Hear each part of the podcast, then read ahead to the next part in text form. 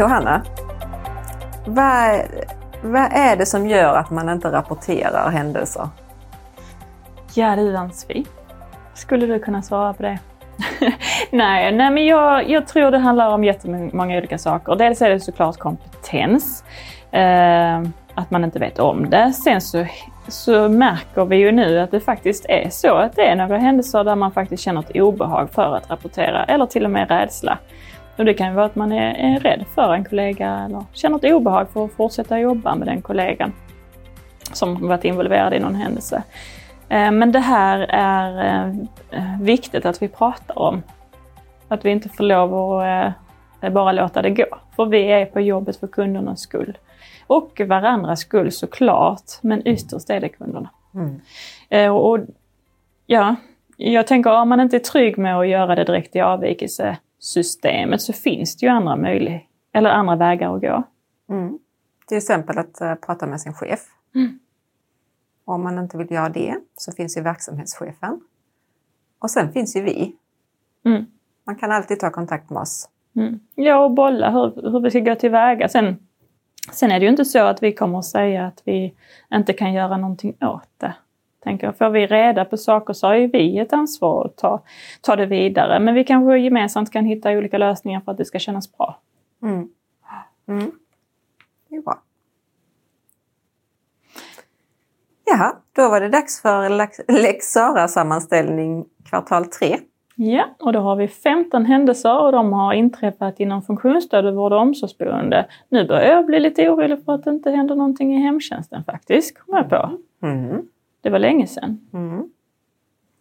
Ja, och tre händelser har anmälts till IVO. Mm.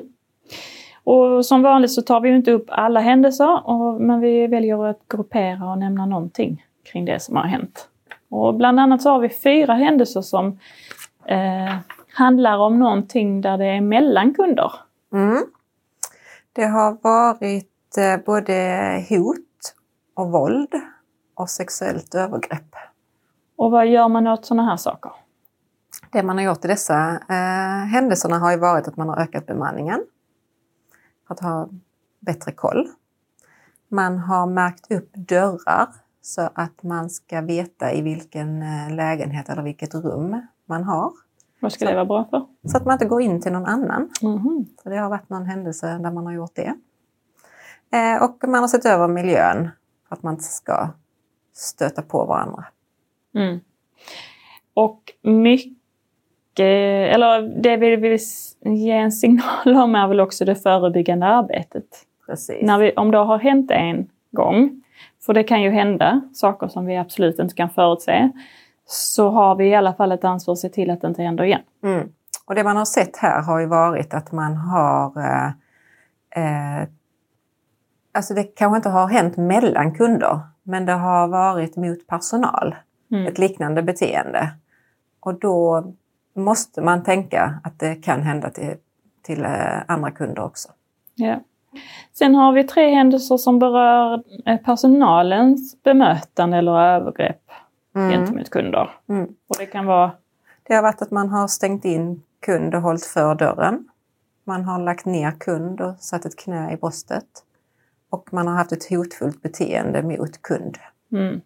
Och de här, vad har vi gjort för åtgärder kopplat till de här händelserna? Ja, det har ju varit utbildningsinsatser. Ja, man har sett över introduktion. Och då är det inte den stora introduktionen kanske, utan det har varit det här att på enheten till specifika kunder, att man får mer kunskaper och, och tips och så om, om, hur man kan bemöta. Mm. Och sen trots utbildning har det ju också hänt saker. Mm, tyvärr så har ju ett par av de här händelserna som jag har anmält till IVO har det ju förekommit tidigare. Och trots att vi har haft utbildningsinsatser, vi har pratat mycket om det här med tvångs och begränsningsåtgärder, så har det skett igen. Mm. Och då blir det ju arbetsrättsliga åtgärder. Ja, och det är trist att det ska behöva gå så långt. Mm. Sen har vi stölder. Mm. Uh, I något ärende så ser vi att vi inte hade kunnat göra något annorlunda. Uh, alltså vi har de rutinerna som krävs och så vidare. Men jag tycker det är intressant att ni har uppmärksammat uh, en praktisk grej som vi faktiskt kan vidta. Mm. Och det var ju att man hade eh, all personal hade nycklar till kundernas värdeskåp. Eh, och eh, nu har man sett över det då så att eh, det är kunden som har sin nyckel Mm. och eh, eventuellt enhetschefen också. Ja, för detta handlar inte om privata medel utan det är Nej. bara kunderna som vill lösa in Ja. sina saker. Precis.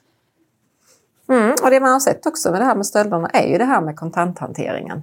Måste vi ha kontanter för frisör och fotvård?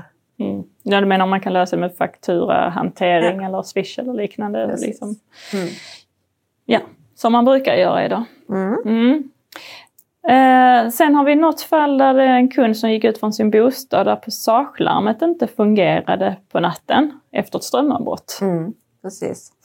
Att efter strömavbrott så kontrollerar man ju larmen så att de skulle fungera men då var det ett passagelarm som inte hade kopplat upp sig igen efter strömavbrottet. Så där ändrade man rutinerna för att faktiskt kontrollera detta Ja. på ett annat sätt. Precis. Yes. Mm. Vi har eh, pågående ärende avseende eh, att man har loggat in i journaler där man inte har något att göra. Alltså det vill säga om man har varit inne på kunder som, eh, ja, som man inte jobbar med eller kunder som eh, eller att jag går in hemifrån utanför arbetstid och så vidare för att man är nyfiken. Eh, och den tänker jag är viktig att slå ett slag för. Att man inte får lov att logga in på teknisk utrustning som inte är arbetets, för det första. Och du ska ju inte behöva jobba utanför din arbetstid. Nej. Då behöver du ha en dialog med din chef. Men här tror jag att vi behöver styra upp med någon form av ja, mer information kring hur du får lov att använda din inloggning och när. Mm. Precis. Och detsamma gäller ju hanteringen med privata mobiler på arbetstid. Mm. Ehm, Där jag också tror att vi behöver styra upp det så att alla känner sig trygga med den hanteringen. För som det har varit nu så har vi tyvärr haft händelser där man både har fotat och filmat kunder och skickat till utomstående. Då blir det ju sekretessbrott. Ehm, Och där mobilerna tar alldeles för mycket tid från jobbet. Mm. Mm.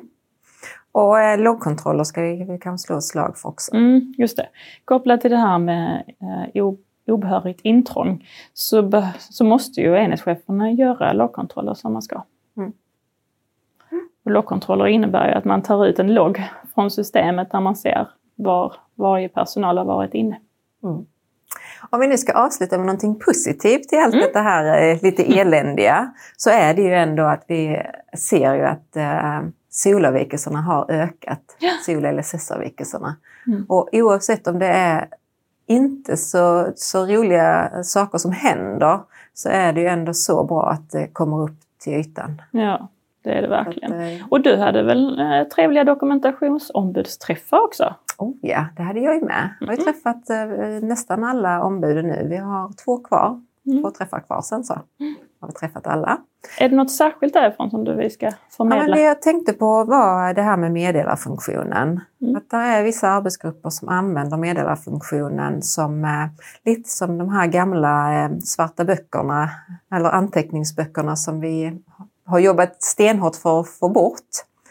För mycket av det som skrivs, eh, som jag får till mig då, det är ju saker som ska stå i kundens journal.